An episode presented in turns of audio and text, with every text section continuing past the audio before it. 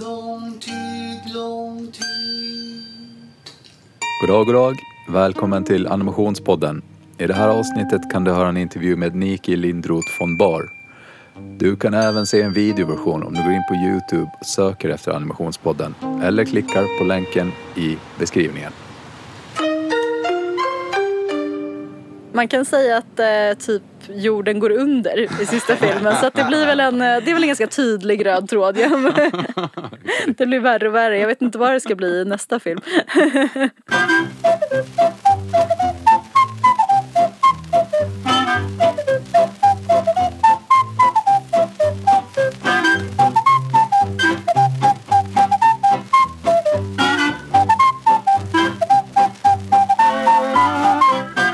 Första gången jag animerade på riktigt var väl Ja det var ju, det var ju i princip när jag började på animationsakademin här i Stockholm och eh, för att jag just ville testa på stop motion animation. Mm. Och eh, Vad var det som hade fått dig sugen på det då? ja men det är ju liksom en man kan väl säga att jag egentligen kommer från liksom hantverket väldigt mycket i att just så bygga modell och dockor och så. Det är egentligen det jag tycker är liksom ehm, roligast. Jag utbildade mig till attributmakare eh, på Nordiska scenografiskolan i Skellefteå eh, 2004 2006 eh, och så då tänkte jag ju liksom att jag skulle bli attributmakare, att liksom bygga saker för scen och, eh, och film och så. Ehm, men sen blev jag liksom så inne på det här med att, eh, att just eh, bygga modeller och dockor och jag, jag gjorde som liksom slutprojekt på den skolan så gjorde jag en eh, min första liksom film inom enorma citationstecken men, men som eh, var någon sorts marionettfilm med eh, just modeller och dockor eh, som heter Natt i Moskva. Eh, Mm. Och Marionettfilm, är det liksom att eh, du är inspelat live? Att det inte är Ja en film i precis, taget? det är inte animation utan där Ah, höll man på och liksom eh, höll på med trådar och sånt där. Det var väldigt eh, med, med varierande framgång. Sådär. Det, var, det, det är ju lite medvetet så klumpigt liksom gjort. Men, Men ehm, ni gjorde inte ljudet på samma gång eller? Ehm, det var faktiskt som någon sorts eh, musikvideo nästan, eller formen var det liksom. Det var en, ga- en Natt i Moskva är en gammal så eh, svensk toppslager, en 60-talsslager av Jan Höjland. Så att eh, eh, jag var bara, jag gillade den, den eh, eh, musiken väldigt mycket så att då gjorde jag någon sorts så, eh, ja, musikvideo-variant på den. Eh, Okej. Så där kom liksom allt ljud eh, automatiskt kan man säga.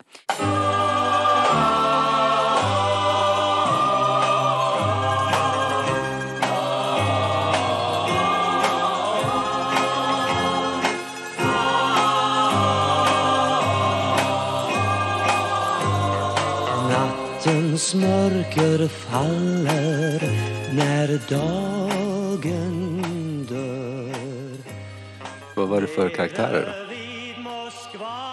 Det var en eh, liten apa och en liten katt. Eh, och eh, några, någon liten sån rysk orkester med lite oklara djur också. Det började ju med djur redan där liksom. Men då när jag hade gjort den filmen så, så visade det sig också att den faktiskt liksom blev, den kom med på Göteborgs filmfestival och den vann något pris på någon sån regional Stockholmsfestival och eh, visades på Novemberfestivalen i Trollhättan. Så att den fick liksom ett så litet liv i, eh, eh, i filmvärlden så. Eh, som kanske inte riktigt var meningen. Så att då blev jag lite intresserad av att, eh, att fortsätta på filmspåret. Liksom. Att man faktiskt kan, bo, alltså att det här roliga med att kunna tillverka liksom, och bygga sina egna världar och sina egna karaktärer och berätta en historia och sen också få en färdig produkt av det på något sätt. Eh, tyckte jag var kul. Och hur gör man det på ett lite smidigare sätt? Okej, kanske inte jättemycket smidigare sätt men lite kanske. Eh, än marionett. Då liksom tänkte jag att så här, stop motion animation skulle kunna vara sättet för mig liksom. Så därför började jag på animationsakademin för att lära mig om stop motion animation. Och eh, det, jag vet inte, det, man blir ju rätt mycket, alltså i, liksom till syvende och sist så blir man ju liksom självlärd när man väl börjar liksom så. Så jag, jag skulle egentligen säga att som första gången jag verkligen animerade stop motion på riktigt var nästan när jag började med min första stop motion film, Tord och Tord. Det började en dag när jag kom hem från jobbet. Jag hade inte gjort så himla mycket för arbete utan det är egentligen bara att så här, sätta igång skulle jag säga. För man kan ju alltid gå tillbaka om det blir dåligt liksom. Du hade i alla fall erfarenhet av att bygga dockor och Ja. modeller. Precis, så att man ser väl kanske det också i den filmen att det kanske finns mer erfarenhet av byggandet än av animerandet men ah, det duger väl. Jag får vara snäll mot mig själv. Men det är väl schysst, alltså för att vara en studentfilm den filmen så är den ändå schysst ljus och så tänker jag. eh, Tord och Tord. Ja. Eh, ja, alltså den filmen var ju... Eh, jag började med den som slutprojekt på Animationsakademin men sen när skolan väl var klar så hade jag ju bara gjort kanske typ två scener av liksom 25 eller någonting. Så att eh, man kan väl säga, jag har inte liksom riktigt sett den som en studentfilm eftersom jag sen fortsatte att göra klart den under liksom ett år till i en egen studio, en liten pytteliten eh, källare i eh, Midsommarkransen. Um, men tack, det var ju snällt. Nej, men jag, för jag gjorde, jag har faktiskt, just den filmen har jag liksom gjort allt själv verkligen liksom. Uh, jag har gjort det till stor del på mina andra filmer också men den var det verkligen så att man hade, jag hade liksom noll kronor i budget och liksom um, fick bara samla skräp på gatan för att bygga modell och uh, hade det lilla kyffet liksom i, i Midsommarkransen. Så att uh, ehm, det, Det låter som att du verkligen hade en vision då. Att du hade Jo. 25 scener planerade. Ja. Ja, ja gud ja, alltså det är precis. Och lite, just, man står ju där efter när skolan är slut och bara hopp, nu har man liksom ett år till av liksom ingen finansiering och eh, liksom det är sommar och bara ska jag krypa ner i det här källarhålet igen och bara för, köra vidare. Men jag vet inte, jag är lite så, har lite svårt att släppa saker liksom. Så att jag, Mm. Tack och lov. Ja, kanske, ja. Jo men faktiskt, det har ju absolut lönat sig nu känns det som. Men, men det är, jag tror att det är en av anledningarna till att man orkar med animation, att man är ganska envis liksom. Ja, För det är det är inte som att allt går så jäkla bra hela tiden om man säger så. Hur gör du för att liksom eh, behålla motivationen ända in till slutet då? Eller är det ingenting du gör kanske? Det bara finns där eller?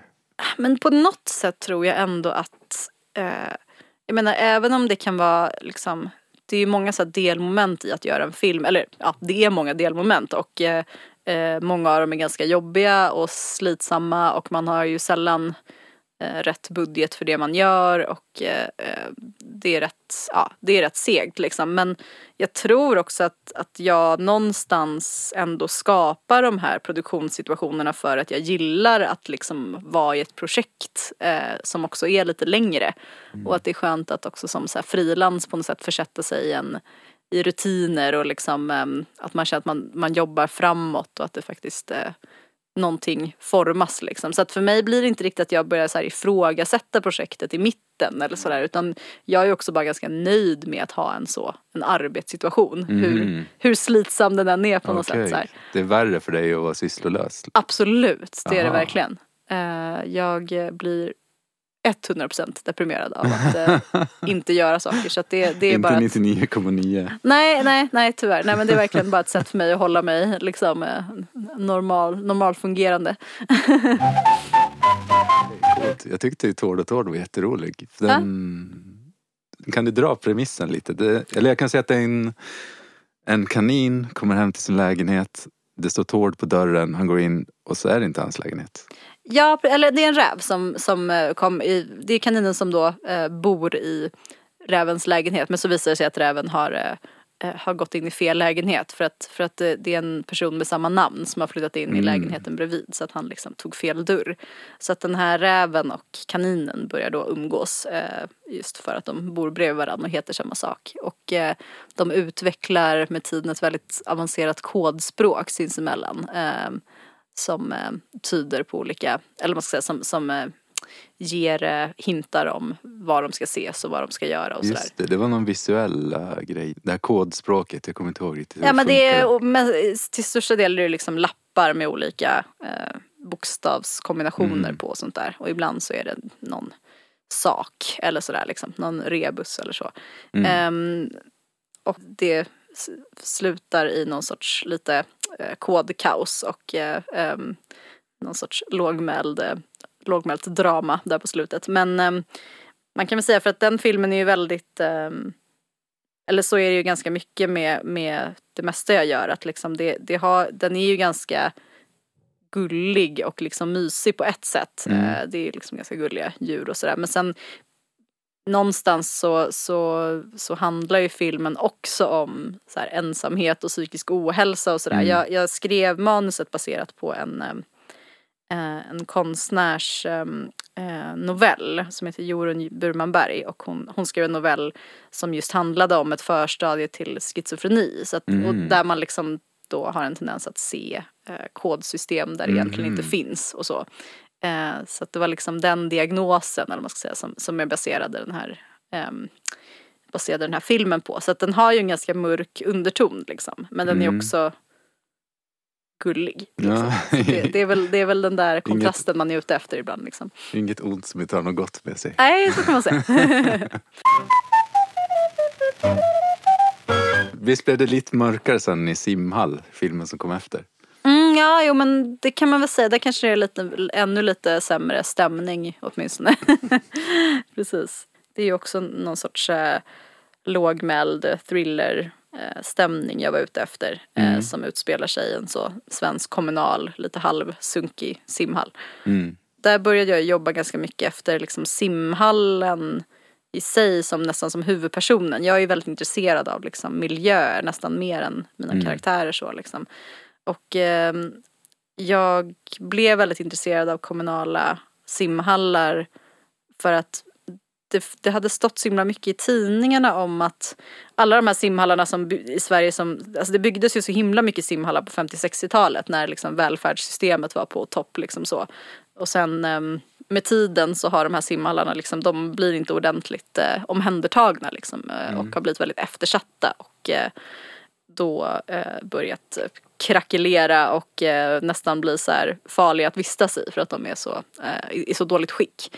Eh, och jag tyckte det fanns en så spännande vad ska man säga, politisk eh, symbolik i det liksom. Eh, så här, välfärdens eh, nedmontering och individualismens framfart och så vidare. Så att jag tyckte att det var en kul, ja men ett kul tema. Och sen så bad jag Jerker Wirdborg som är då författare att skriva skriva manuset på den här idén jag hade liksom. Så, så vi hade ett samarbete där. Okej. Hur kom det sig att du valde just honom då? Ja, men jag tycker att han, eh, speciellt med hans noveller så, så har han en jättefin eh, han, han är sådär väldigt begåvad med att eh, skapa så här otroligt märkliga stämningar eh, i situationer som egentligen på ytan kanske inte har eh, som kanske på ytan inte är så himla dramatiska liksom. Eh, men att det ändå är en jättemörk underton och att man hela tiden går och väntar på att något fruktansvärt ska hända. Fast det kanske inte alltid gör det heller. Men, men jag var bara intresserad av den lite så ehm, spända stämningen liksom i många av hans noveller. Så att ehm, jag, ja det var spännande att jobba med honom. Men eh, sedan dess har du inte jobbat med någon annan för manusstadiet eller har um, ehm, nej, alltså jag, eh, min börda skrev jag själv. Den är ju också lite mer, Um, den går ju väldigt mycket på känsla liksom och uh, är lite mer fragmentarisk liksom. Så att jag, den kändes det ganska enkelt att skriva själv. Och även då Något att minnas med min senaste film nu uh, är också, den har jag också skrivit själv. Um, däremot så har jag jobbat tillsammans med Martin Lok eh, som har skrivit sångtexterna. Eh, det är ju, både Min börda och Något att minnas är ju liksom väldigt eh, musik Ja, det, det är ju musik rätt igenom liksom. Eh, och Martin Lok har ett fantastiskt eh, sätt att liksom sätta ord på de här em, tankarna jag har haft kring, kring eh, ja, teman Mm. och eh, Vad gav det honom att jobba med då liksom? Ehm, men I min börda till exempel så Där jobbade jag också såklart då med eh, Hans Appelqvist som, som har Han har gjort ljudet till alla mina filmer men, men eh, han skrev också musik då till eh, min börda och arrangemanget till Något att minnas. Ehm, så att han och jag och Martin kan man ju säga liksom drog upp ehm, Ja, drog upp liksom grunden till min börda för att eh, jag kom liksom till Hans och Martin med eh, liksom idéer om, om de här respektive scenerna. Liksom, att den här scenen ska vara ganska liksom, melankolisk och gärna med lite någon sorts körstämning och, eh, och det ska vara eh, fiskar som bor på ett långtidshotell till exempel. hitta på något med det. så att då, då skrev Martin ehm, vad de här fiskarna skulle tänka på och sjunga om eh, baserat då lite på mina, liksom, ja, mina tankar så och eh, även då till exempel de här aporna som, som dansar loss på ett callcenter. Eh, det var ganska roligt för där, där jobbade vi efter några olika sådana manus som man, som man har när man jobbar på ett callcenter och ringer liksom med telefonförsäljare och sådär. Eh, till exempel så är det ju eh, väldigt viktigt då enligt det här manuset att, att man eh, ska säga väldigt ofta så här att så här, jag förstår era problem, jag förstår, jag förstår Okej. att du tycker att det här är jobbigt, jag förstår. Så det är väldigt roligt i, i den eh, sångtexten sen att det är så här, för jag förstår era problem men förstår ni mina? Så sjunger de ju sen och det är väldigt, väldigt, väldigt kul. Så att Martin har ju haft en sån perfekt eh, ton i de här sångtexterna liksom och eh, han har en sån väldigt fint poetiskt sätt att uttrycka sig. Mm. Du borde skriva in också att man ska sjunga räntefritt i Ja. olika, olika stämmor. Absolut, Som de det i skulle stå med i manus ja, ja absolut. Ja, callcenters, take note. Absolut, vad heter det? Det är bara, det är bara att sno rätt av. Bredbandstelefoni. Ingen faktureringskostnad. Inga dolda avgifter. Ingen portoavgift. Blev det liksom, um, simhall var det ju bara så här ventilationsljud och Mm. dystert. Var det det som, eh, blev du sugen på att göra musikal efter det liksom? Ja men eh, bra fråga faktiskt. Jag, jag, ehm, just, jag har ju varit väldigt intresserad av liksom, filmmusik på det sättet att jag tycker att typ 90% av all filmmusik som används är så överflödig och eh, inte så bra. Att liksom det är ett väldigt, ofta så här ett väldigt klumpigt använt verktyg för att liksom styra publiken i olika känslolägen och att jag ofta blir så irriterad på när det inte görs bra liksom. Så att jag har ju varit väldigt sparsam med musik. Alltså i, i Tour de Tour så är det ju lite musik i början och i slutet liksom. Eh, men också liksom att, att jag är ju också intresserad av att behålla den här lite oklara känslan inför vad som pågår liksom. Och i simhall så var det ännu viktigare att liksom det verkligen inte skulle, man skulle inte riktigt fatta om det man ser är liksom kul eller läskigt eller jobbigt eller sådär. Ja, ja. Utan att, det, att liksom just att man är i det, i det där lite konstiga tillståndet hela filmen igenom. Så där valde jag att liksom inte använda musik alls. Okej. Eh, men sen så Sen älskar jag ju också liksom de här gamla musikalfilmerna, typ så Gene Kelly och, och Fred Astaire och liksom Singin' in the Rain och så här. Det, märks ju på det här hamburgarstället. Ja men precis, så att eh, jag ehm, med min börda så, så tänkte jag att så här, fan det vore ju kul att liksom också gå all in åt andra hållet liksom och se vad det blir. Eh, och också att använda mig av, av Hans Appelqvist då som är, som är ju en fantastisk eh, musiker och artist och så. Så att det är väldigt roligt att, att istället för att han bara ska göra ljud att han faktiskt får göra musik också som är hans liksom, primära eh, yrke. Och ehm, Eh, så att jag, jag bad ju honom att göra liksom, eh, vad ska man säga, han, han, han fick ju göra sin grej men liksom inspirerat av liksom så West Side Story och eh, Anchors Away och sådär, liksom den typen av eh, musik. Eh, så att det, det blev en väldigt rolig, ja det blev en rolig kombination. Men, sen, men med det sagt så, så var det också viktigt i min börda att, att ändå liksom ta in eh, det här mörkare temat. Att liksom, det faktiskt också handlar om liksom själadödande arbete och eh, slit och existentiell ångest och vår litenhet i universum och, och sådär. Så att det, liksom, det hade inte bara kunnat bli en glättig musikal utan det, hade det behövdes ju den kontrasten också. Någon slags här, djur i bur-tema Mm. som längtar efter något större, eller typ mer space. Ja, Kan det vara något absolut. som, som, eh, som jag har sett i dina filmer? Jo men så kan man väl tänka, verkligen. Alltså jag menar det, vi är ju alla djur liksom såklart. Fast med lite tjusigare kläder på sig. Eller kläder överhuvudtaget. Ibland. Och eh, precis, det, det finns ju någonting intressant såklart i liksom eh, vilken typ av eh, mentala och eh, liksom eh, sociala eh, samhällsbyggda burar man faktiskt liksom eh, väljer att stänga in sig i eller bara hamnar i eller Det sådär. är liksom. mycket arbetsplatser i dina filmer. Mm. Ja men det har ju blivit det.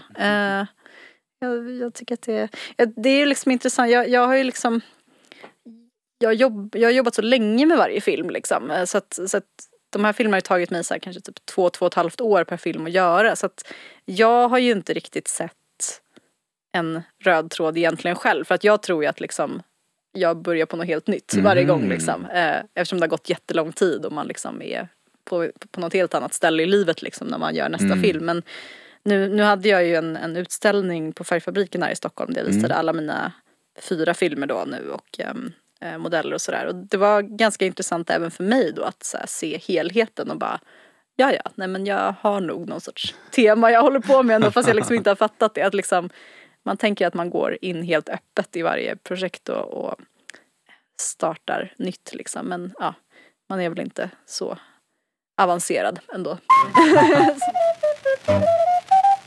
En grej jag undrar, jag har inte sett din nyaste film. Nej okej.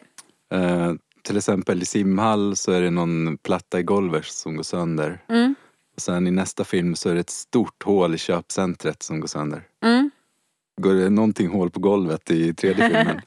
Man kan säga att eh, typ jorden går under i sista filmen så att det blir väl en, eh, det är väl en ganska tydlig röd tråd. Det blir värre och värre. Jag vet inte vad det ska bli i nästa film. det, det, det, de på CERN lyckas eh, skapa ett svart hål. Eh, eller Ah, av, det är av misstag. perfekt. Så det, ja, det blir, om man nu får spoila.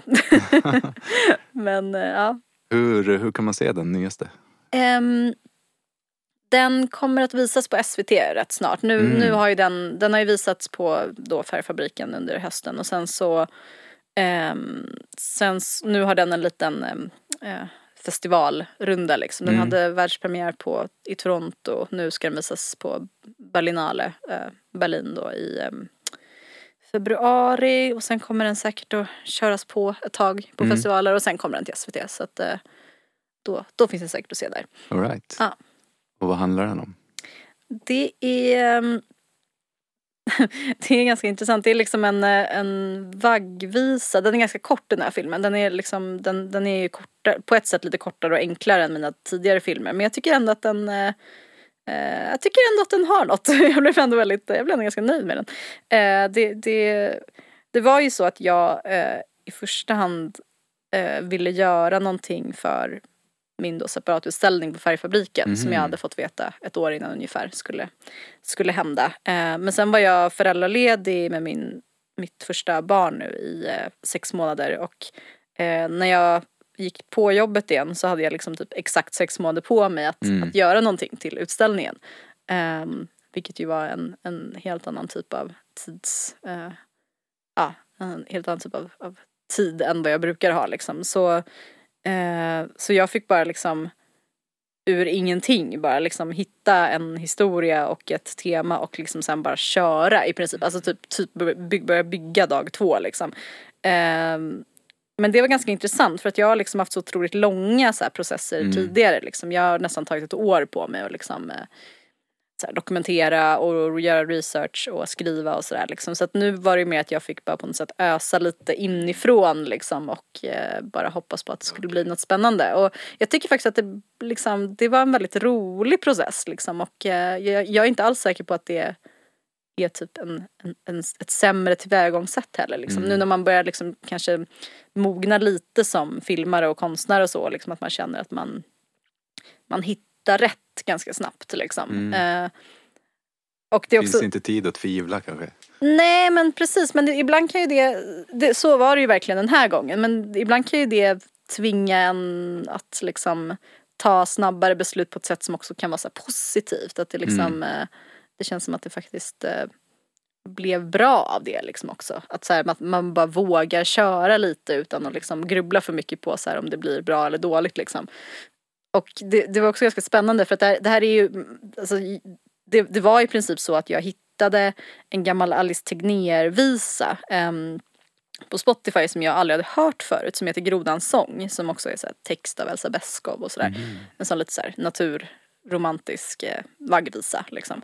Som jag spelade för min dotter eh, väldigt mycket när hon skulle sova och så var jag sådär när jag gick på jobbet igen bara den där visan var ändå fin, den, den tar jag typ så här. Så då, då använde vi liksom Alice Tegnérs grund liksom, eh, melodi och sen så fick Hans omarbeta den lite och Martin Lok skrev en ganska mycket mörkare text kan man säga. Så det blev någon typ av vaggvisa inför den stora katastrofen kan man säga. Ehm, med någon typ av så väldigt fragmentariska eh, scener ur liksom, samtiden. Eh, så. Den, den blev ganska mörk liksom men också jag tycker den är ganska rolig men andra får så här enda ont i jag har magen. sett är typ en bild på en snigel som kollar sitt blodtryck. Ja precis, precis. Och han har ju inga armar Ja, direkt. eller det är ju jättekul. Den har ju så här liksom blodtrycks, eh, vad ska man säga, själva den här blodtrycksmätaren runt hela kroppen. Så Ja. är, det, det, var ju, det var ju jättekul. Så det är Staffan, det är Staffan Westerberg som sjunger eh, Snigens melodi. Det är liksom olika karaktärer som sjunger eh, varsin vers liksom, Okej. i olika situationer. När du har klätt dig tjusig och fin Då är han redo att ta emot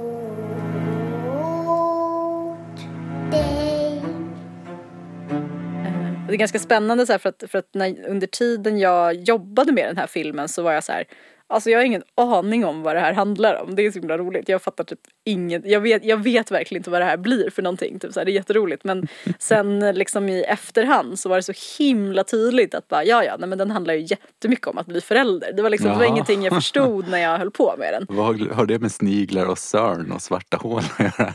Nej men det är helt, en helt rimlig, eh, liksom, för mig är det så här så tydligt. Nej men det, det är liksom, eh, nej men det handlar väldigt mycket om så här vad det är för typ av värld som man liksom ska presentera för eh, sitt nya lilla barn. Liksom så här världen vi lever i och hur man liksom eh, hanterar den och liksom när man också på något sätt ska ehm, måste på något sätt stå för den inför någon som är helt nytillkommen liksom. Ehm, just där sjukhus eller läkarbesöksgrejen också var ju så här, jag blev, jag blev ganska sjuk under min graviditet och fick lite så här bestående men av det och så, så att jag helt plötsligt så är jag liksom jätteofta på eh, läkarmottagningar så att det var också lite så terapeutiskt för mig att få så här, bygga upp en läkarmottagning i så här miniatyr. Så här bearbeta det här traumat liksom. Ja, okej. Ja. Men du bygger typ allting själv? Ja, alltså, eller på något att minnas så har jag haft väldigt mycket hjälp av um, Niklas Nilsson. Vi jobbar ganska mycket ihop. Uh, han, han är väldigt ofta medscenograf och ibland så bygger han mycket och ibland bygger han mindre. Men, men um, han har jobbat med Roy Andersson i väldigt många år och uh, vi gick i, på Nordiska scenografiskolan ihop. Uh, och vi har ju också, det är vi tillsammans som har jobbat med så här, de här kostymdesignsjobben jag har haft också med typ David Bowie och Fever Ray och så där, det har vi gjort tillsammans liksom. Eh, så att, så att han, han är med mig väldigt mycket i modellbygget. Och dockorna gör jag alltid själv. Mm. Eh, och, men jag menar, det är också en liksom budgetfråga. Jag menar, jag, jag bygger ju väldigt mycket själv och eh, jag hade ju gärna byggt mindre också nu för tiden. Jag menar, man kommer ju till en viss punkt där det är så här, när man gör liksom en en vanlig dörr för typ så här 89 gången och bara ja, nej men nu kan jag det här liksom. Jag skulle kunna också lägga ut det på någon om jag hade pengar liksom. Så att det, ja, det ser jag fram emot någon gång. Jag har en fråga förresten. Ja. Eh, om du hade ett halvår på dig att göra färdigt något att minnas. Mm. Hur blev det med pengar då för det?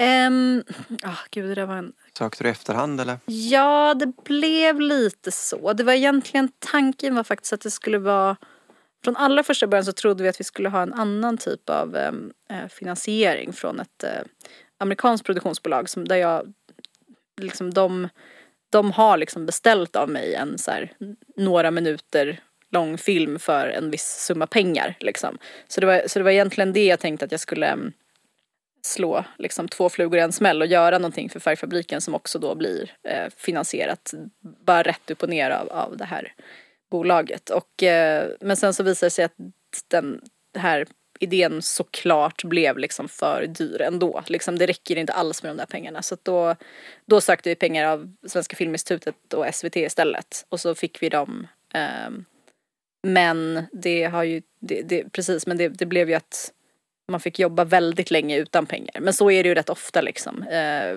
även i andra situationer. För det tar ju ofta tid att sy ihop en budget och jag orkar inte vänta så att liksom jag kör på.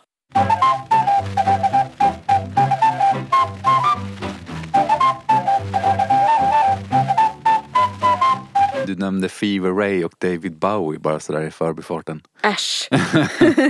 hur, hur hittade de dig?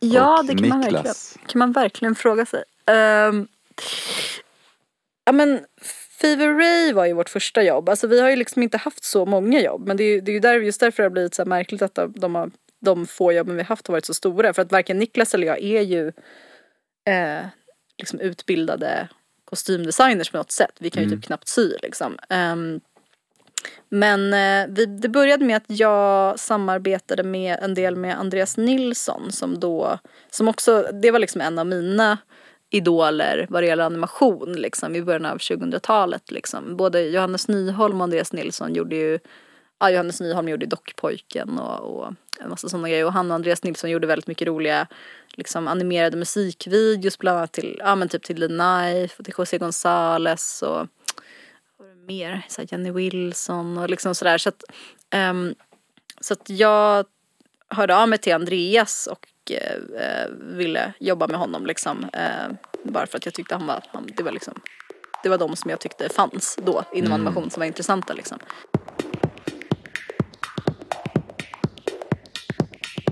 Och jag och Johannes har ju också jobbat mycket ihop efter det liksom. Ehm, Andreas, han, han började ju där men han, han är ju nu liksom en så här svin eh, framgångsrik reklamfilmsregissör som liksom bor över hela världen och eh, gör så här enorma eh, jättereklamprojekt. Han, han slog ju igenom väldigt mycket med, med den här mm, Volvo-reklamen med så här Epic Split med Jean-Claude Van Damme. Ah, okej. Eh, han är ju så, han är ju typ ett geni på liksom såna där Mm. knäppa idéer liksom. Så det förstår jag verkligen att alla Men, drar i eh, honom liksom. Han anlitade er för att jobba med Fever Ray. Ja, exakt så. Eh, för att han var då tillfrågad att bli liksom, eh, vad ska man säga, kreativ eh, regissör liksom för Fever Rays, både liveshow och eh, de flesta musikvideos och eh, alltså hennes första, hennes debutskiva då som kom typ 2008 eller 2009 eller något sånt där. Och den, det blev, det blev otroligt bra måste jag ändå säga. Det var, det var jäkligt häftigt att liksom få jobba med dem liksom och ehm, Eh, så att deras liksom scenshow och sådär var ju superspektakulär med liksom eh, laser och mm, så här väldigt mörkt och, och mm, rök och sådär. Och, och då att de sen då hade så superknäppa eh, kläder liksom gjorde ju allt bara liksom jätte, jätte Alltså att ha liksom en uppstoppad grävling på huvudet liksom i den kontexten. Det, gör, det blir ju jävligt creepy liksom. Eh, så att eh, vad heter det, det Eh, det blev väldigt bra. Eh, Ja, så här mörk magi. Ja, verkligen. Väldigt så mycket ockultism typ så. Ehm, och det var baserat på det jobbet som, som David Bowies producent hörde av sig sen. Eh, Fast det var flera, flera år senare. Hon ringde liksom bara så här när jag satt på Mejan någon dag och så här höll på med någonting och så här ringde och bara hej, jo men eh, vill ni inte komma och göra alla eh, kostymer till, till David Bowies video eh. Blackstar då. Så här, jag kan sätta upp en, eh, en studio till er här i New York, ni kan komma imorgon och man bara så här, "Ah", typ helt livrädd. Nej, typ. jag ska göra en film om en räv och Ja, en men, kanin. precis. precis. Eh, men det var ganska, det var ju rätt läskigt. Det, det var ju min första liksom, ehm, första gången jag jobbade liksom med en amerikansk produktion och det är ju väldigt speciellt liksom. Mm. Ehm, Fick ni assistenter?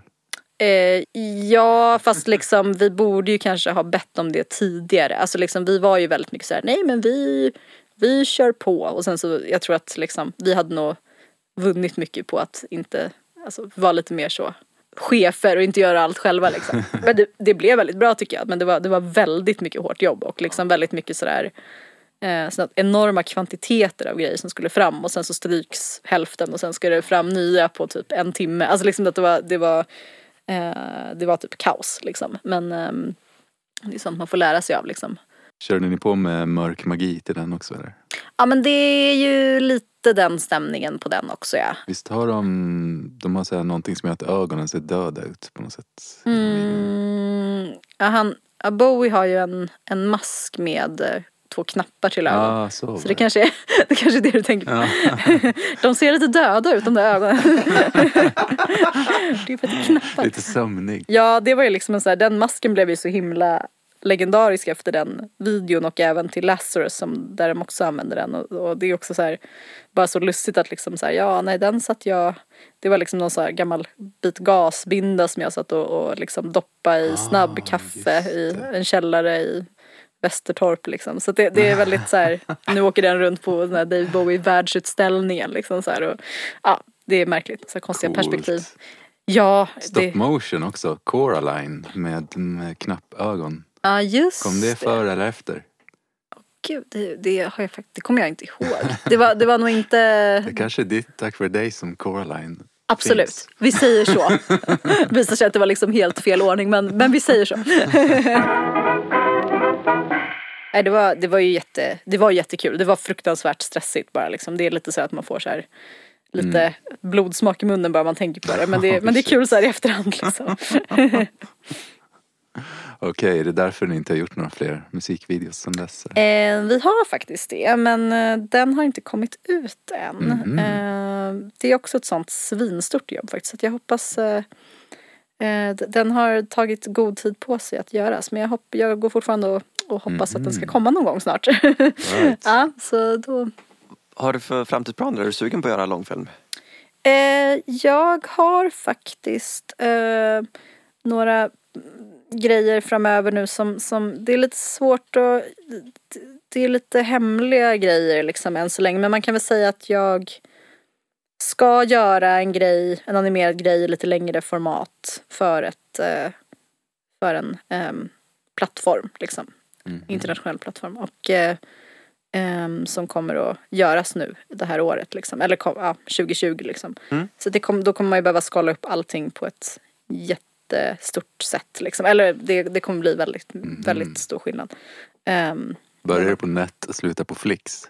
nej men det kan jag inte svara på. Eller, det, eller är det, det finns ju några att välja på. Ehm, precis. Nej men det, det kommer bli skitkul. Jag tror att det ska bli eh, offentligt i Annecy eller något sånt där tror jag. Mm. I vår.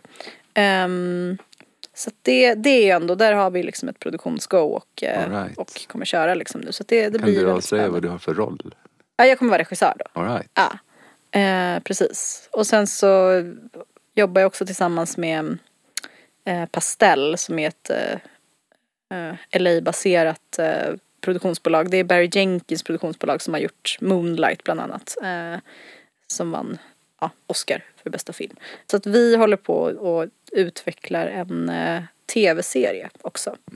För en annan plattform. Eh, men det, vi, vi får se hur det går med det. Men det, det, än så länge går det väldigt bra. Så vi får se Okej. lite mm, om, om och när i så fall det händer. Eh, men så att det är lite så här, liksom större em, internationella eh, projekt nu på gång. Så man får verkligen se lite hur det, hur det kommer bli liksom. Ingen Eh, risk att det blir sysslolös i alla fall. Nej, gud nej. Eh, nej, det, gud, det, det har varit eh, väldigt, det har varit väldigt mycket det senaste året och eh, liksom också i kombination med att, att eh, ha fått barn och sådär Ja. såklart.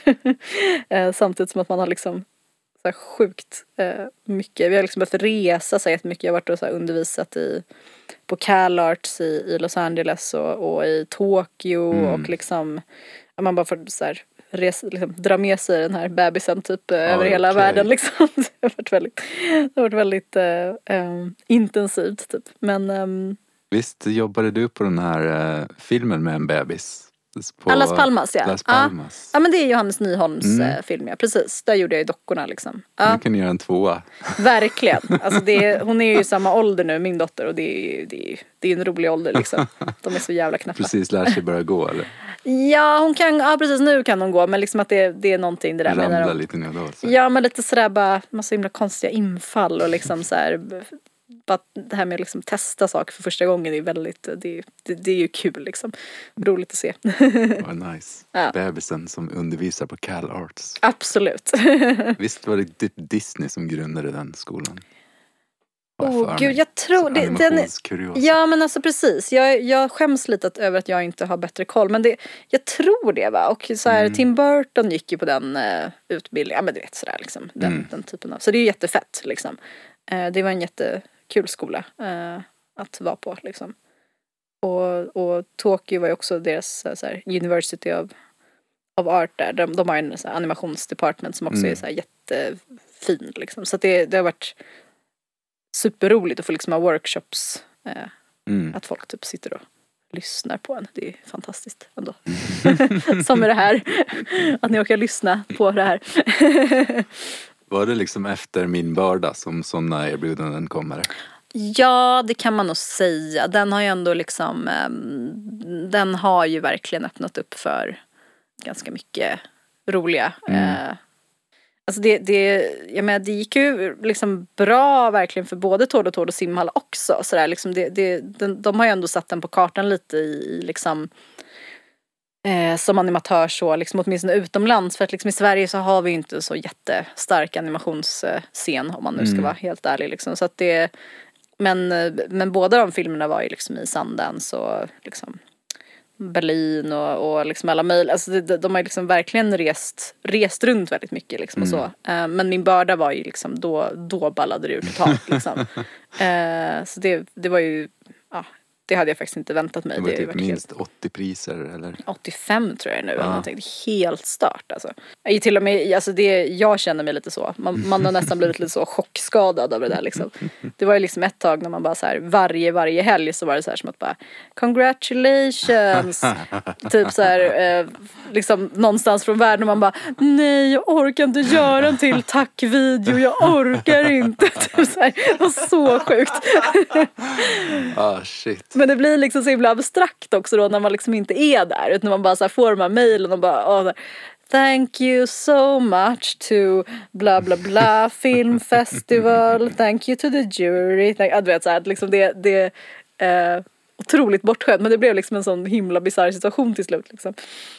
Slä, släpptes den internationellt på svenska eller dubbad? Mm. Den gjorde faktiskt det och det har ju funkat superbra. Jag, jag tänker ju alltid att det inte ska funka riktigt för att så här liksom det är ändå ett jättekonstigt språk liksom i förhållande till vad man, vad de flesta är liksom eh, vana vid så. Men, men det, så har det varit med alla mina filmer. Det har funkat svinbra ändå liksom.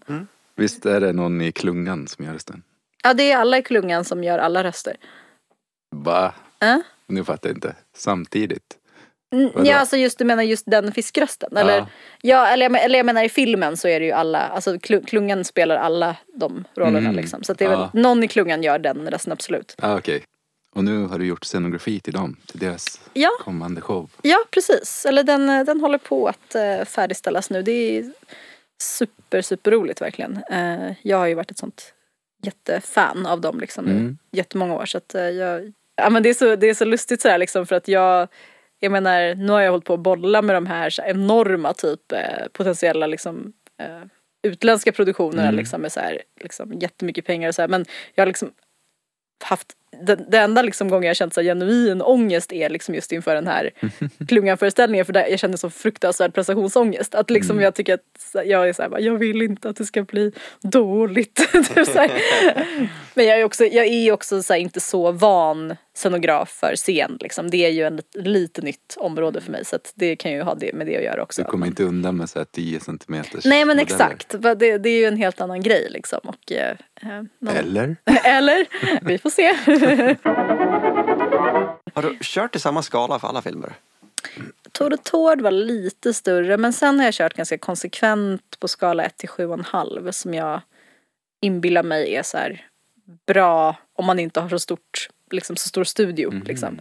Eh, det är ungefär så Barbie-storlek liksom skulle jag säga. Det men det, det, jag, jag tycker att jag har hittat en bra liksom, eh, balans mellan att eh, man kan hålla sig så litet som möjligt för att det inte ska bli så här för stora eh, modeller och liksom för eh, så här, att det kräver för mycket material och för stora eh, för stort space och sådär men, men att man inte heller vill liksom tumma på detaljerna liksom så att man ändå kan jobba så pass detaljrikt som det behövs ehm, eh, och animera liksom på ett bra sätt och så. Så att det ja det har jag kommit fram till nu i en bra skala men jag tror att typ nu när det ska bli en, en större produktion till exempel så kommer de nog vilja ha större dockor typ Fantastic Mr Fox och sådär var väl liksom, ja de är ju jättestora, de är typ en halv meter eller någonting. I, I alla fall några, inte alla kanske men det, men det är liksom, de jobbar väl lite olika skala tror jag. Allt större i USA. Ja men det är ju England också vet du. Jaha. Mm. Det är ju där allt händer känns som. De har ju, Ja, ja, de. Ja, Ja, precis de finns ju absolut. Men sen så det, det finns ju en helt annan så infrastruktur för stop motion animation i England. Där, där har ju liksom både Isle of Dogs och Mr Fox och alla de där animerats. där alltså. Okej. precis. Anomalisa gjordes väl i Los Angeles tror jag. Det finns ju något som heter Ah, Starburn. Den har jag Eh, inte sett. Men visst är det han... Den är sjukt bra. Det är John Mal- Charlie, nej, Charlie Kaufman. Ja, just det. Som Ja. gjorde Being John Malkovich. Ja, precis. Mm. Den är helt otrolig tycker jag. Det är typ den bästa animerade filmen jag vet nästan. Mm. Ja. Det är liksom... Varför? Varför? Ehm, alltså, eller så här, som, ja, liksom, eller, jo, för den har liksom, den kanske som helhet så här, den har väl så här kanske vissa liksom lite svagare delar, men jag tycker liksom att den har så pass många så här superbra scener så att, så att liksom det, jag ändå skulle verkligen ranka den liksom typ högst. Alltså den, det, jag tycker att den är så himla intressant för att den är den använder ju bara animation som, alltså den, det är ju typ en spelfilm, eller det är ju liksom en live action film fast de har valt att animera den i princip så. Och, och sen så använder de animationen på så här väldigt så, eh, i väldigt små detalj eh, eh, grejer bara liksom att, att det är en, en huvudperson som är lite så kämpar med lite liksom eh, ska man säga, någon sorts narcissistisk eh, självbild och eh, ibland, och liksom också, men också har någon sorts lite så psykisk, eh, psykisk breakdown på ett hotell och ibland så är det som att han tappar ansiktet lite grann så här bokstavligt talat då eftersom man kan göra det liksom, det är sådana utbytes eh, ansikten och eh, han upplever det som att alla runt omkring honom är typ samma person och typ har nästan samma röst för att han tycker att alla är så tråkiga liksom utom, utom honom och det är också jätteroligt för då är det som att nästan alla bikaraktärer är liksom stöpta ur en och samma docka då som har ett samma utseende som är ett sånt jättestörigt utseende. som är så här, ja men det är liksom såna här små så här, eh, psykiska grejer som liksom, eh, eller man ska säga, eh, psykologiska grejer liksom som, som, som är så kul att just för att det är gjort i stop motion liksom. Också att det är såklart Charlie Kaufman för han är så otroligt duktig på dialog och sådär. Att det liksom bara är animation i det lilla på något sätt så här. Och eh, så att det, ja, jag tycker det var ett väldigt intressant sätt att använda sig av animation på och liksom jag känner mig besläktad med det liksom. Ja. Jag kommer ihåg att jag hörde intervjun med han som gjorde den på WTF med Mark Maron. Och att det är såhär, åh den här ska jag se. Men sen Mm. Ah, vad jag typ kul. bort den. Nej det borde du verkligen göra. Åh, det, då, det, det avsnitt ska jag lyssna på, gud vad roligt. Vad har du mer för förebilder? Ehm, jag är ju inte så liksom nördig på animation egentligen om jag ska vara helt ärlig. Jag, liksom, jag, jag läser ju liksom mer kanske så här böcker och ser andra live action filmer och liksom jag, jag är mer intresserad av liksom historieberättande och liksom ehm, stämningar och, och sådär liksom. Eh, för jag, jag kan tycka att mycket animation det blir någon sorts, det blir som fokus på det tekniska. Att det liksom, många liksom förlorar sig lite i att det ska vara så här tekniskt fulländat eller att det liksom ska se coolt ut eller så här. Och, så, och då är det liksom ingen, sen är det bara helt tomt liksom. Och så har de lagt jättemycket tid på någonting som bara blir helt poänglöst fast det är snyggt eller så liksom. Eh, det skulle jag säga är typ ett, ett stort problem ändå liksom. Eh, men vad gäller animation så tycker jag, Mark och Emma de Sweff tycker jag är typ, det, de tycker jag är absolut bäst i i branschen. De gjorde ju den här Oh Willy för massa år sedan. Eh, den, den, den finns faktiskt online, den är super super bra. Eh, De kom liksom med den precis efter jag hade gjort Tord och Tord. Jag kommer ihåg att man liksom var så, de, de är liksom väldigt kända för att de gör, de gör liksom, det är också stop motion men de gör liksom lite så tovade dockor. Eh, Ah, liksom lite så textilaktiga, ganska så bulliga dockor liksom som är jätte, jättefina. Och är så här super perfektionister och gör liksom det är jättefint ljussatt och liksom jättefint eh, och bara få bra historier också. Och nu, nu senast så kom de med, de, de har liksom, de är väldigt så, släpper inte särskilt mycket liksom. Men nu senast så kom de med en eh, så helt otrolig eh, 40 minuters film som heter This Magnificent Cake. Ja men det är de här gulliga liksom tovade dockorna men det handlar liksom om kolonialismen i liksom någon del av Afrika liksom eh, på, i slutet av 1800-talet så att det är liksom så jäkla hemskt liksom och eh, fruktansvärt mörkt liksom själva fast historien så. Ja men det är tovat och det är också så här, det är också bara dråpligt och liksom eh, ja men det, det är liksom helt ja jag tycker den är helt otrolig verkligen. Mm. Det, det är min ehm, absolut bästa film. Eh, Jag funderar lite på om till exempel det här med en snigel som tar blodtryck eller en eh, fisk i kostym. Kommer idéerna liksom färdiga eller är det något du så här mejslar fram bit för bit eller? Mm. Ah, gud, svår fråga. Jag, Då tänker jag liksom inte hela filmen men kanske just såna här eh, bil- Ja. bilder liksom eller? Precis. Um, men jag tror att det började någonstans med att jag tyckte det vore kul att liksom göra en snigel som en docka liksom. Och sen så hamnade den väl där på brist sen av någon anledning. Det kanske var också en praktisk grej att den typ mest bara sitter där. Vad är det för material? det, den är, jag har liksom eh, skulpterat den i, eh, i någon sorts eh, plastelina-lera och sen gjutit av den i, eh, jag tror att det är mm, latex faktiskt. Eh, målad latex så jag hoppas att den håller ett tag. latex är ju lite så här. I början så var ju mina dockor väldigt mycket så att liksom, de hade typ som människokroppar men djurhuvuden. Men liksom, alltså att det, de verkligen var så ganska, ganska människolika i liksom eh, hur de ser ut och går och rör sig och sådär. Men nu i min senaste film så har jag blivit lite mer intresserad av att bara så typ pressa in verkliga djur i liksom kläder. Alltså mer att så här, en snigel är verkligen en snigel och en duva har så här såna stora otympliga vingar som man liksom ska pressa ner i någon sorts liten typ parkasjacka liksom och sådär. Att det, det, att det är också lite roligt att det inte riktigt funkar liksom. Eh, så det har jag börjat jobba mer med nu. Eh, Färre däggdjur. Ja, precis. Lite konstigare djur kanske. Nu, I slutet så är det också, de som jobbar på CERN är ju så här eh, en typ av skalbaggar och larver. Eh, så det är också väldigt roligt att göra så här en typ larv med jeans och eh, en skalbagge med någon sån polotröja. Typ. Så det, det, det var faktiskt kul. så jag tror att jag, jag har börjat intressera mig för det mer. Skottsäkert koncept verkligen. Ja. Mask med jeans. Du kommer Varför bli miljonär ju. Ja, kan du men inte tack, börja sälja tack, tack. leksaker? Ja men faktiskt. Nej, den är, det, är en, det är en fin larv det där. det måste jag ge mig. Ja, det kanske kommer sen när du har, när du har eh, din tv-serie. Japp, absolut. Blir det liksom eh, en franchise? Ja men precis, då, då blir det massa merch liksom. Mm. Ja. Ser fram emot. Kommer du att peppa ditt barn och hålla på med modellbyggen och så också? Eller? Gud, bra fråga.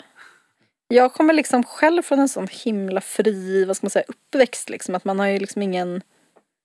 Jag har liksom aldrig känt någon press att man ska göra något speciellt så liksom. Mm. Så att eh, det, det, eh, det ska bli intressant att se vilken typ av förälder man blir själv nu. Om man liksom har så här, man kan ju tänka liksom att man inte har någon, att man är så här, bara, det viktigaste är ju att hon är lycklig. Eller du vet så, men så kan, när man väl när man väl kommer dit liksom och hon väljer någonting som man själv tycker, eller hon ska bli typ mäklare eller någonting så kanske man blir typ jätteledsen. Jag vet inte.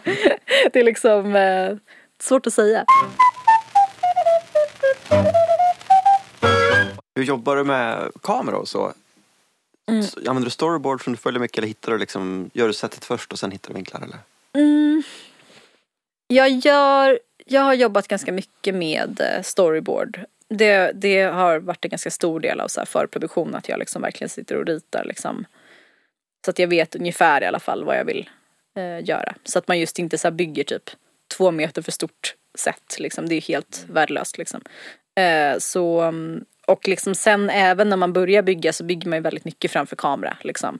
Man typ skissar upp med kartong först kanske och sen liksom och det, det är ju också, jag menar det där, det där är ju också mer avancerat än Ja men det är lite så här knepigare än man tror att liksom, för just, just att man faktiskt, om man vill på något sätt spara mycket tid och energi på att liksom inte bygga för mycket eller för liksom så här grejer som inte syns eller liksom sådär så, men då handlar det också om att dels så skissar man ju framför kameran genom att liksom bygga upp dummies och, och sådär men sen handlar det också om vilken kamera är det? Man kan ju inte helt plötsligt bara byta kamera för då kanske det liksom, det kanske blir ett helt annat objektiv och liksom helt annan brännvidd och liksom sådär så att det ehm, man måste ju veta liksom vad, så här, vilka inställningar man har såklart också. Och sen också så här, vilket format ska det vara? Ska det vara liksom CinemaScope eller ska det vara 16.9 eller så här, Då är det helt plötsligt antingen har man jättemycket tak med eller också har man ingenting med. Alltså liksom, det är ju väldigt stor skillnad allting. Och, att, och sådana där grejer är liksom ganska lätt att, att missa. Liksom. Även för mig då såklart. Men jag tycker jag blir bättre och bättre på det. Men jag tycker att liksom kameraarbetet gör ju jag själv. Och det, eller ja, och även ljus och så. Och jag tycker att det är väldigt det är väldigt viktigt för mig liksom. Jag jobbar ganska ofta i så tablåscener också som är ganska långa så att för mig det är väldigt viktigt att på något sätt skapa en bra bild. Liksom att det är ingenting jag så slarvar med liksom utan det tar ofta nästan för lång tid liksom. Mm, det märks att det är välgjort, att det är nice ju. Ja, tack. Väl värt.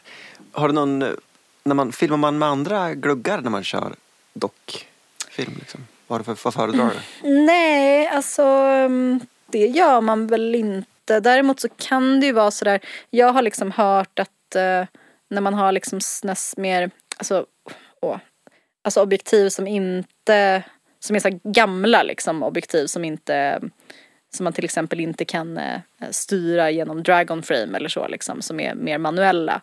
Ehm, de stänger inte slutaren mellan varje bild som de här ehm, ehm, elektroniska gör. Eh, och då blir det också mindre flickor. För att när man liksom när de stänger sig och öppnar sig hela tiden för varje bild så, så kan det bli lite skillnad i ljusinsläpp och då kan det bli mer flickor. Men jag har inte jobbat så mycket med det för jag tycker att det finns andra problem då med liksom att eh, med objektiv som inte svarar mot kameran riktigt för att då, då kan det vara att man inte får rätt typ av livebild istället och ja, det här är ju väldigt eh, väldigt nördigt liksom. Men men ehm, men sen så jag menar sen är det väl som med vilken film som helst om man liksom vill ha vidvinkel eller tele eller liksom vad, hur, man, hur man vill att bilden ska bli liksom. Det handlar ju till syvende och sist om vad man ser i kameran bara liksom så att det behöver man inte ha så mycket förkunskap om men, men det finns ju vissa liksom sätt att, att få en liksom modellvärld att se mer realistisk ut eh, med vissa inställningar såklart. Så här. Och även med ljussättning är ju sånt svinviktigt också att man liksom verkligen eh, ser till att det finns liksom att det finns, om det är liksom någonting som är inne men sen ser man ut någonstans så är det ju viktigt med att det är olika liksom olika um, liksom vad ska man säga? Temperatur? Ol- temperatur, tack. tack. Eller tack. Jag bara, tack. Eh, olika temperatur i ljuset och, och att eh, man liksom ser till att om man inte ser taket så kan det vara viktigt att man liksom skuggar lite i, i, um, i hörnen och i kanterna och sådär liksom att det inte så att det inte bara känns som att det är typ en, en vägg som bara fortsätter för alltid. Liksom. Uh, ja, men det finns ju massa sådana liksom, uh, grejer som man märker allt eftersom också. Mm. Ja.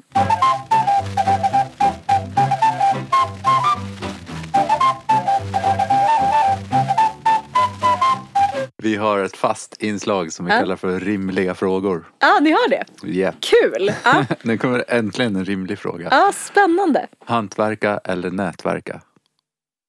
Oj! Fan vilken svår fråga. Alltså...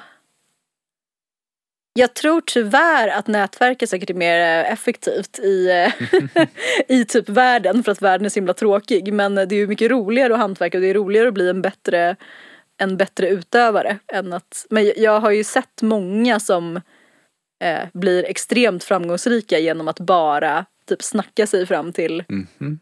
så vad ska jag säga, den, min objektiva och liksom min objektiva känsla är ju att, eh, att nätverket typ är mer effektivt men, men jag uppskattar ju verkligen och värderar högt typ folk som är bra på sina jobb. Mm. Så för mig skulle jag säga hantverka men eh, tyvärr så är det nog nätverka. Sorry Ankeborg. ja. Eh, vad tänkte jag säga då? Jo, animation eller automation? Vad är automation? Ja, alltså när man låter typ ehm, datorn generera saker eller, eller liknande. Och jag vet inte, du kanske att dock, vad skulle det vara i dockor då? Att man gör robotar som... Du var less på att göra vanliga dörrar. Ja, Skulle du köpa en maskin som gjorde dörrarna ah, åt du dig? menar så. Ja, just det. Ehm, Fake doors, come on down, buy your fake doors. Ja, Rick and Morty! just det, just Det är det. ju världens bästa reklam kommer jag på just nu. FakeDoors.com is our website, so check it out for a lot of really great deals on fake doors!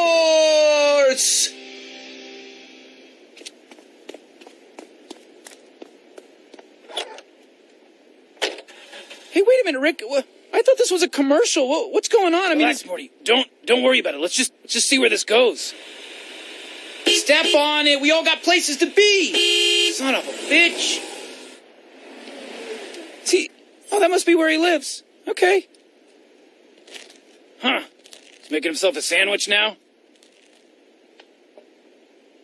Hey, everybody. So this is my house. Just made a sandwich. Peanut butter and jelly. Still here. Still selling fake doors. What? Oh my god, it's still the commercial. We have fake doors like you wouldn't believe. What are you worried about? Come get fake doors. Just det. Nej men jag, fan, jag, gud vad svårt att säga. Jag tycker verkligen att det är viktigt att, att äh, lägga, alltså man, man ser ofta att man lägger mycket tid på att faktiskt äh, tillverka någonting. Det ser man ofta liksom i slutresultatet att det är väldigt värt. Men samtidigt så typ är det ju också, man ska ju inte göra det bara på ett så här dumdristigt sätt. Alltså jag menar, det, det kan ju också vara jätte, jätteskönt att liksom använda en äh, sån här laserskärare och typ skära ut tusen små fönster i ett, i ett hus istället för att sitta och göra det för hand. För att liksom där ser ingen skillnaden. Alltså man får ju, man ska ju välja sina strider kan jag säga.